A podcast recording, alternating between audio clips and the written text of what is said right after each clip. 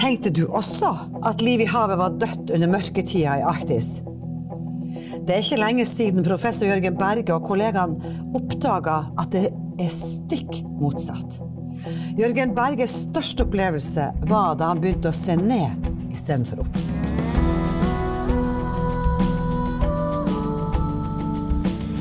Observatoriet, en forskningspodkast fra UiT Norges arktiske universitet.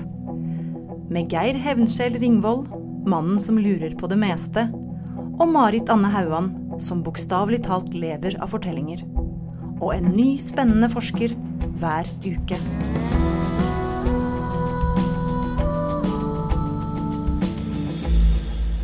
Hei, Geir. Hei, Marit. Og hei, Jørgen Berge. Hei, begge to. Jørgen Berge er vår gjest i dag. Han er professor i arktisk marinbiologi ved Universitetet i Tromsø, Norges arktiske universitet. Og det interessante med Jørgen sitt felt er jo at han tar universitetets oppdrag helt på alvor. Hans studiekammer er faktisk arktisk, og har vært det i veldig mange år. Eh, og eh, Jørgen har i tillegg til å være en eminent forsker, så er han altså professor to ved UNIS, som er universitetsstudiene på Svalbard i Longyearbyen, der han underviste studentene i arktisk i arktisk, om arktisk i arktisk.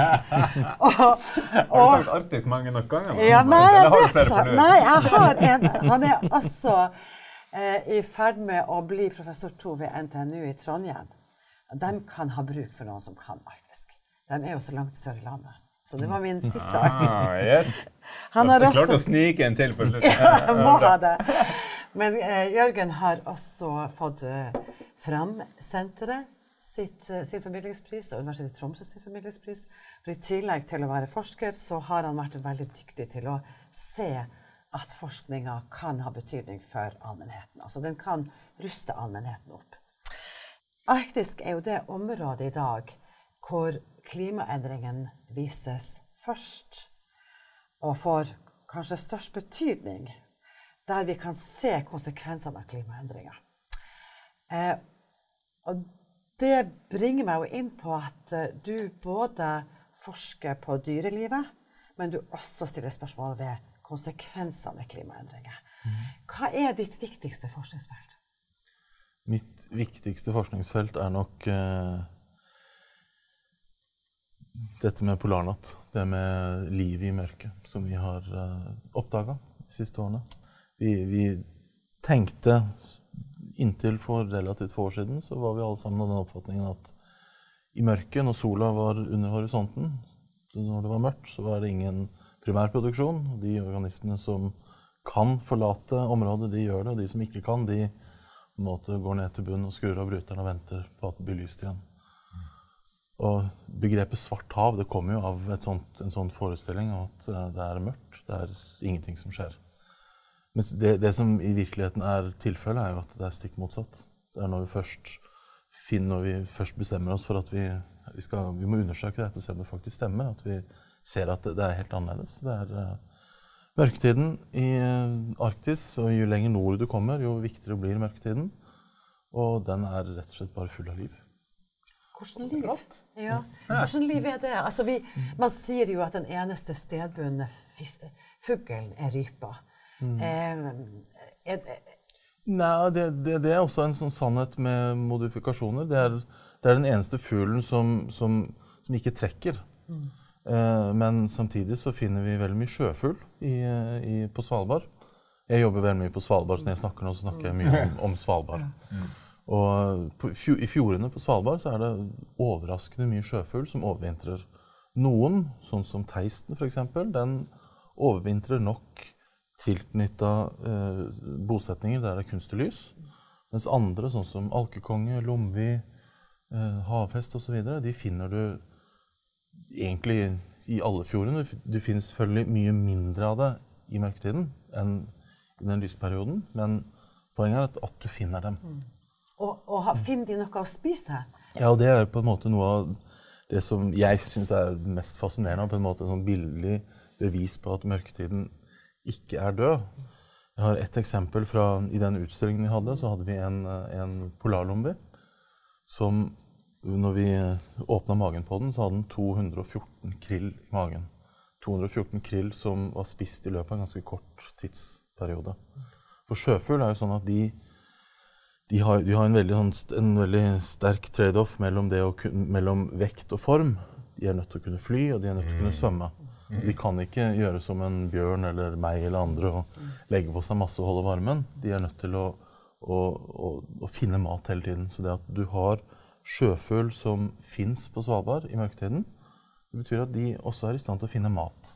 Og er de i stand til å finne mat, så betyr det også at de er i et miljø som, som gir grunnlag for å finne mat, at det er en aktivitet. Og det er på en måte noe av det som eh, faktisk En av de tingene som var med å trigge den, den forskningen vi har drevet med, at vi begynte å observere fugl, vi begynte å stille spørsmålstegn ved hva dette betyr. Hvilke forfedre har du i forskninga? Vi har jo en veldig veldig kjent eh, ekspedisjon, utforskningsekspedisjon som heter Nordhavsekspedisjonene. Det var i 1876, 77, 78 så dro Henrik Moen og Geo Sars ut leda forskningsprosjekter. Geo Sars far Michael Sars han hadde beskrevet havets eh, beboere langs kysten, men hans sønn dro da ut og ville på en måte finne ut av hva som var utenfor kysten og nordover. Og kom også til arktiske, som på en måte fikk et blikk på arktiske arter. Og det de var ute etter, det var å finne ut hva, hvem er i havet. Og, og egentlig også spørsmålet hvor, kommer, hvor holder torsken og silda seg når de ikke eh, er i Lofoten og langs kysten? Er det en sånn beskrivende, deskriptivt form for forskning, sånn utforsking av hva er virkelig her? Er det det dere holder på med i Polana? Til en viss grad. Til en viss grad så er det jo et stort element av å, å ja, oppdage nytt land, skal man si det om det marine. Eh, så deskriptivt, det deskriptive, det utforskende, det er absolutt en viktig del av det. I tillegg så er det jo en eh, En viktig del er også den Hvis vi hadde gått 25 år tilbake i tid, så hadde vi ikke vært i stand til å gjøre det den gangen. Vi er, av, vi er avhengig av ny teknologi. Ja. Du beveger deg inn i områder som er Det er, det er en grunn til at vi kjenner så lite til polarnatt. Det er mørkt, det er kaldt, det er uh, vanskelig å operere. Så mye av den aktiviteten som vi i dag kan drive med, det er basert på at vi har mulighet til å bruke ny teknologi, undervannsroboter, som vi kan sende ut.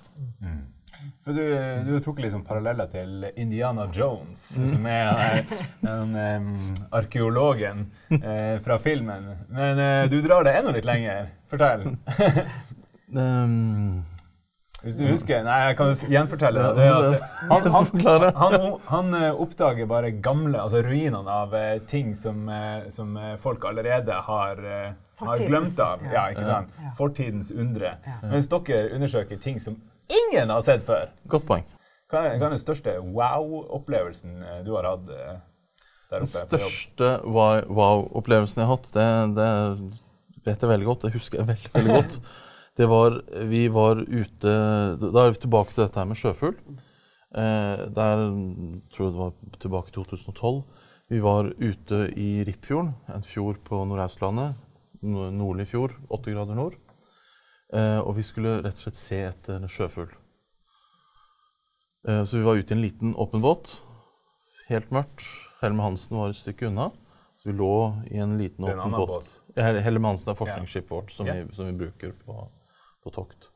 Og som vi er helt avhengig av. Eh, og da, når vi da lå i den båten og trodde vi skulle begynne å liksom, se ut i mørket etter fugl, så begynner vi å se ned. Og du Jeg fikk en sånn følelse av at du Man ligger på, um, på fjellet og ser opp på en, en stjernehimmel hvor du har liksom, Hvor du virkelig ser Melkeveien, og du ser, du ser kosmos opp, der oppe. Når vi da så ned, så så vi noe helt tilsvarende, bare at der bevegde alt seg. Så det er organismer som produserer lys. Så vi, vi vet jo alle sammen hvor viktig det du kaller moril eller bioluminescens, hvor viktig de er i dyphavet. Ja. Men i Arktis så er mørketiden som et slags dyphav som kommer opp. Og jeg, jeg husker bare veldig godt den følelsen av at vi bare der og da innså at her er det noe som vi er nødt til å ta tak i. Her, her er det ting vi overhodet ikke skjønner. Hvorfor er lyset viktig? Bioluminescens, hvorfor er det viktig? Fordi det er en så god kommunikasjonsmåte. Du er, du er et, et mørkt medium. Og hvis du skal gi meg et signal, så er det å gi et lite lysglimt veldig effektivt.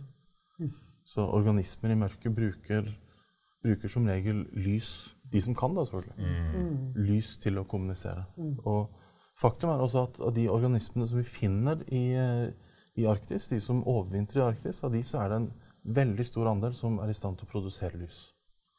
Så lys er viktig. Lys i mørket. Men disse dyrene som, som lyser i det her mørket som vi er så opptatt av, eh, er det, noen andre, er det de samme som vi finner langs dyphavsryggen, eller vi finner utenfor Grønland, eller Det er stort sett de samme gruppene. Ja. Det er det. Mm. Eh, men ikke alltid de samme artene. Mm. Det, det, den evnen til å produsere lys, det er en, det er en egenskap som åpenbart er veldig viktig, for den har utvikla seg uavhengig minst 30 ganger i evolusjonshistorien. Så det er veldig mange grupper som kan produsere lys.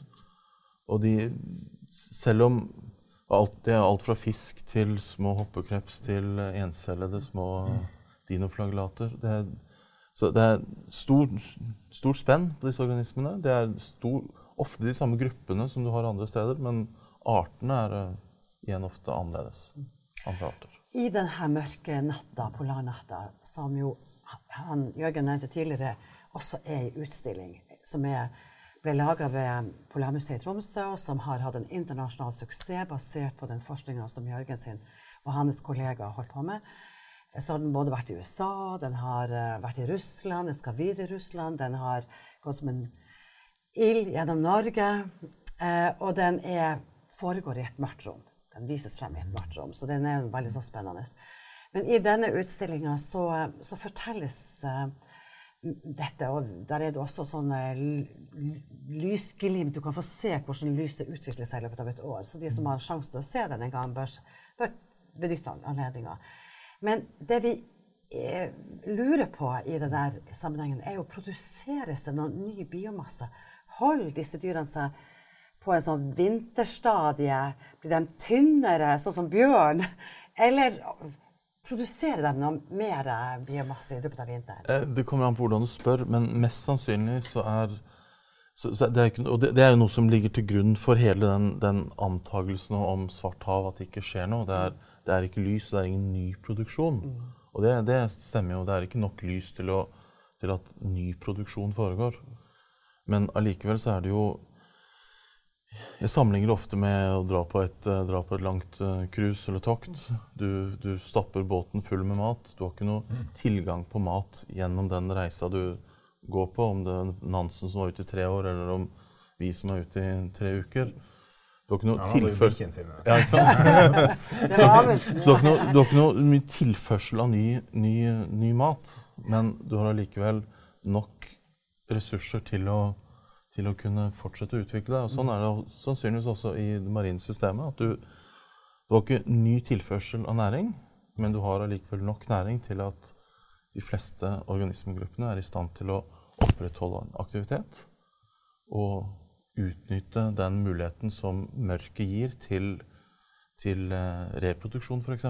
Til å finne, finne maker, mm. og hvor det er relativt sett mindre fare for å bli spist. Mm -hmm. Mm -hmm. Det er en sånn trygghet. En mindre risiko i polarnatta. Vi skulle ja, Liste seg rundt der. ja, ingen som tar en.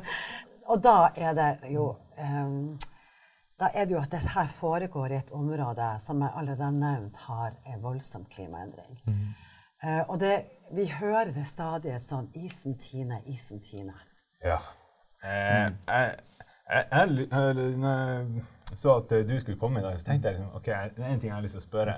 Det er, er ikke det litt sånn depressivt å være nordområdeekspert som må alltid være han der sånn Å nei, å nei, nå kommer vi fra nord.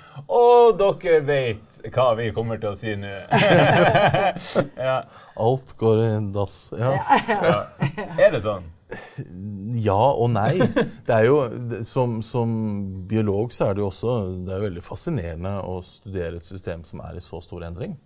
Det er også deprimerende å se at du Vi, vi jobber i et område som eh, nok vil være ugjenkjennelig om relativt få år. På hvilken måte? Ja, Først og fremst ved at, eh, ved at vi har gått Hvis du går tilbake til den gangen satellittmålinger av sjøis starta i 1980, 1979-1980 Siden den gang og fram til i dag så har vi mista et område med flerårsis som tilsvarer omtrent 60% av EUs landområde.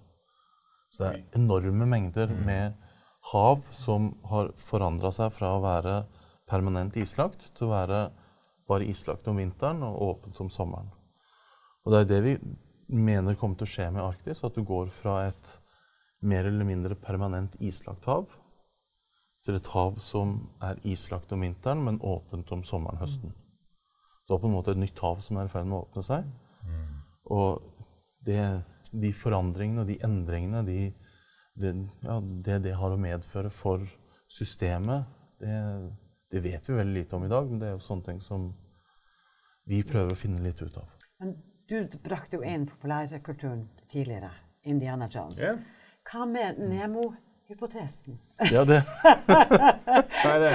Ja, det er noe som han har funnet på. ja, det var, vi var på, det var et uh, polarnartstokt vi hadde. Vi, jeg har jobba en del med, med organismer som lever i is. Isassosierte organismer, og spesielt av tanglopper.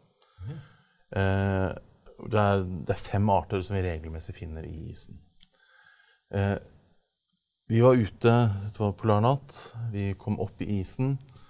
Eh, det var dårlige forhold, så vi hadde ingen mulighet til å jobbe i isen. Men vi hadde mulighet til å, til å ta prøver fra dyphavet under. Og det vi da fikk opp, var blant mye annet, var bl.a. enkelte av disse isassosierte tangloppene. Så jeg fikk sånn, umiddelbart fikk jeg en sånn assosiasjon til, til, til Nemo. Det er faren til Nemo som haika med disse skilpaddene på strømmene for å komme inn til Sydney. Og det, det vi tror, eller i hvert fall jeg tror, er at disse organismene de har en, de har en, en skjult eller til nå ukjent del av sin livshistorie hvor de ikke lever tilknytta isen hele året. Men i den mørke tiden hvor det ikke er biologisk produksjon, det er ikke ny mat, så er de i stand til å migrere ned i dype områder, dype, dype lag, hvor du har havstrømmer som varme havstrømmer som bringer dem inn i Polhavet igjen. I hvert fall i vår del av Arktis så har du en istransport som går over Arktis og ut Framstredet. Så organismer som er tilknytta og festa i isen hele livet, de vil nødvendigvis da transporteres ut og eksporteres ut av Arktis. Ja. Mens dette her kan være en mekanisme for å på en måte eh, opprettholde deres eh, bestand og deres posisjon i Arktis. Så det er den Nemo-hypotesen. Så det rett og slett eh, blir sånn helårs eh, smådyr som, eh, som reker litt rundt etter eh, strømmene. Hvis du har Ja. hvis de, Vi gjorde bare en sånn kort beregning. Hvis de er to måneder i dypet, så transporteres de like langt inn i Arktis som ti måneder i isen motsatt vei. ja. Så en effektiv måte å opprettholde en eh, populasjon i Arktis i et miljø som ellers beveger seg i én retning utover. Hvordan finner dere ut av det? Det kan jo ikke sette sånn Nei, det er jo Det er lett å GPS eh, er merke en isbjørn, tenker jeg, men akkurat akkurat det her tannlappene Nei, det er jo et stort uh, spørsmål. Det er noe vi ikke har klart. Så foreløpig så er det en, Ja. en hypotese som jeg kan uh, fortelle om. Og, men det, det er jo fryktelig vanskelig å kunne, å kunne verifisere det. det er, Men, men tenk på at det er jo altså det er noe så veldig håpefullt i den hypotesen, syns jeg. Altså at det, isen forsvinner. altså Det vi tenker, boplassene til disse dyrene blir borte, det blir varmere, og allikevel så kan, du, kan de finne på å forholde seg til sin, sin biotop. Er det noen andre dyr som eh, Hva med polartorsken og andre dyr som, som gir oss noen håp om at at verden går ikke til ende. at isen kan få lov til å tine. Verden går definitivt ikke til ende av akkurat den grunn. Men, ja. Men, men det, det, det, for det første er jeg ikke i tvil om at systemet endres, og det vil ha enorme konsekvenser for økosystemet. Eh, samtidig så er det også litt viktig, tror jeg, å ha, ta inn over seg at vi, vi, vi, har ofte en sånn tendens til å se på verden vi lever i, som stabil. Jeg bruker ofte snakke med studenter den eh, eh, Hva heter det? Den verdensmestselgende singel 'White Christmas'. Bing Crosby. Som synger om at I'm dreaming of a white Christmas just like the ones I used to know. På en måte indikerer at det Den verden som eksisterte på 50-60-tallet, det var på en måte den, den basale sånn, sånn, skal det være. Og så har det, blitt, har det endra seg etter det. I virkeligheten så har jo Vi lever jo i en verden som er i konstant endring. og Hvis du går 100 000, 500 000 år tilbake i tid, så vet vi at har, i Arktis har du hatt perioder som har vært isfrie.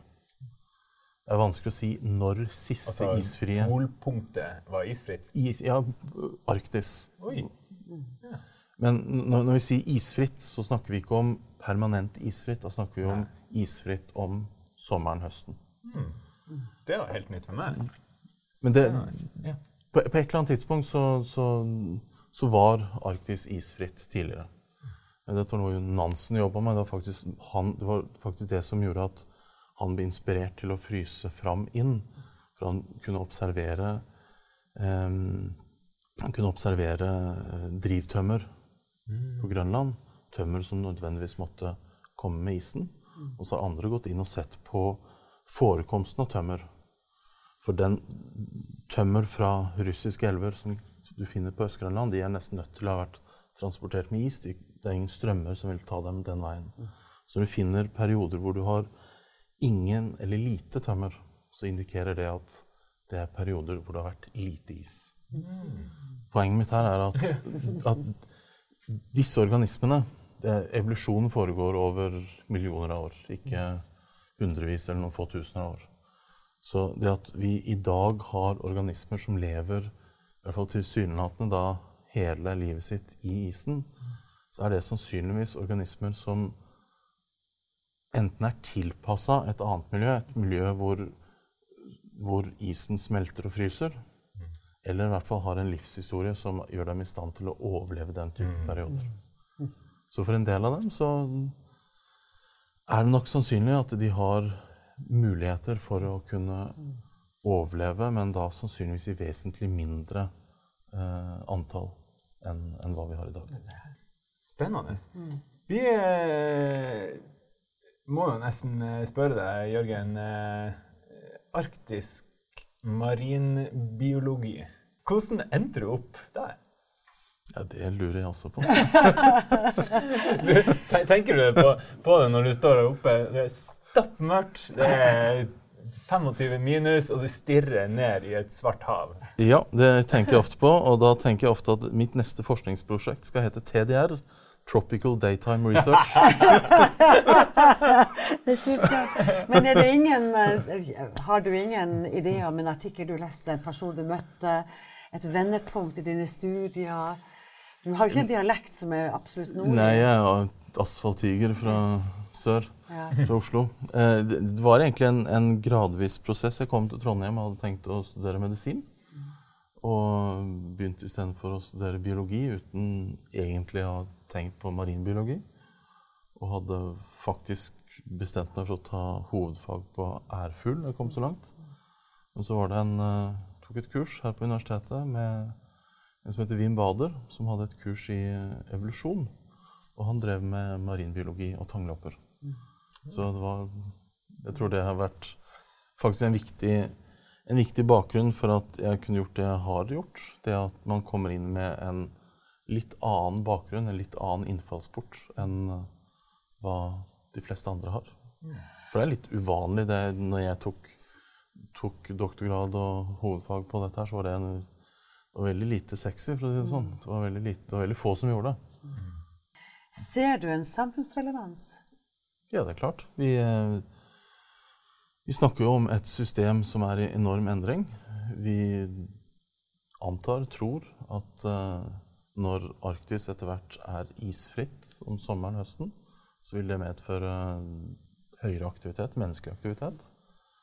Vi er da nødt til å ganske raskt, faktisk, skape oss et kunnskapsgrunnlag for å si noe om hvordan Arktis fungerer i dag, for å kunne være med og skjønne hva, hva, hvordan Arktis endres, og hva som er konsekvenser av det vi gjør. Altså for å lage nye forvaltningsregimer som, som tåler isfritt uh, Arktis. Og det kunnskapsgrunnlaget det fins i veldig liten grad i dag. Polarnatt er ett er ett eksempel. Ti år tilbake så ville de aller fleste bare avskrive Polarnatt som en periode av året hvor ingenting skjer. Det er ikke interessant å studere. Men det gjelder også eh, dyphavet i Polhavet f.eks. Det er ekstremt lite utforska. Er det noe vi, vi ikke har toucha inn på ennå, som du tenker at eh, er verdt å ha med på en liten, eh, kort bolk? Dere, du sa dere skulle spørre om kjønn. du Marit, det! Marit! Jeg maser alltid om det her, Kan jeg bare kjenner. Kom igjen, Marit. Vær så god. Er det mulig å anlegge et kjønnsperspektiv på den forskninga som dere bedriver på Lanat? På sett og vis, ja. Det er, eh, en av de tingene som vi har funnet ut, er at polarnatta, mørketiden, er ekstremt viktig for reproduksjon. Og reproduksjon har nødvendigvis et kjønnsperspektiv i seg. Og vi, vi ser at de organismene som Sannsynligvis de som er mest tilpassa et liv på høye breddegrader i det virkelig høye Arktis, de utnytter mørketiden, hvor det er relativt sett færre rovdyr til stede, til å kunne møtes og ha det gøy i, i, i, i, i grunne farvann. Vi ser f.eks. Eh, i Tareskog så ser vi egentlig hvert år Det er forskjellige arter år etter år. Men vi ser masseforekomster av enkelte arter, f.eks. spøkelseskreps. En art du ellers aldri ser i store antall. De er stort sett spredd og lever eh, for seg selv. De kan Hvorfor heter de det? Fordi de, de ser ut som små pinnedyr. De ser veldig sånn eh, Skulle nesten ikke tro at de lever. Ja. Eh, pinnedyr er egentlig et bedre ord Ja. enn spøkelseskreps, men det er nå engang det det heter. Eh, de kan vi finne i enorme antall i tareskogen. Og de sitter jo der først og fremst for at de finner en møteplass for å finne seg en make. Swingersklubb. Swingers Club. Bokstavelig talt, i og med andre ord, eh, det er Det kan være noe eh, spennende som kommer ut av eh, de her endringene du ser, og relevansen er der, det er ikke tvil om det. Eh, utrolig artig å høre på deg, Jørgen. Tusen takk. Jeg håper vi får snakkes mer senere, og jeg vil anbefale alle å, å lese det du gir ut, og sjekke ut utstillinga eh, Polar Night Nei, hva heter det? Liv og lys i mulm og mørke. Oi! Ja, se der. Avslørte at ikke jeg har vært her. Jeg skal garantert gå. Tusen takk for, for at du kom. Takk for at vi kom. med.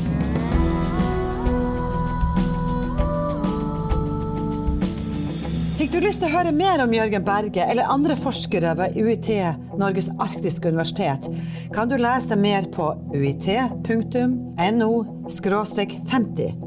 Lik gjerne podkasten vår på Facebook under navnet Observatoriepodkast.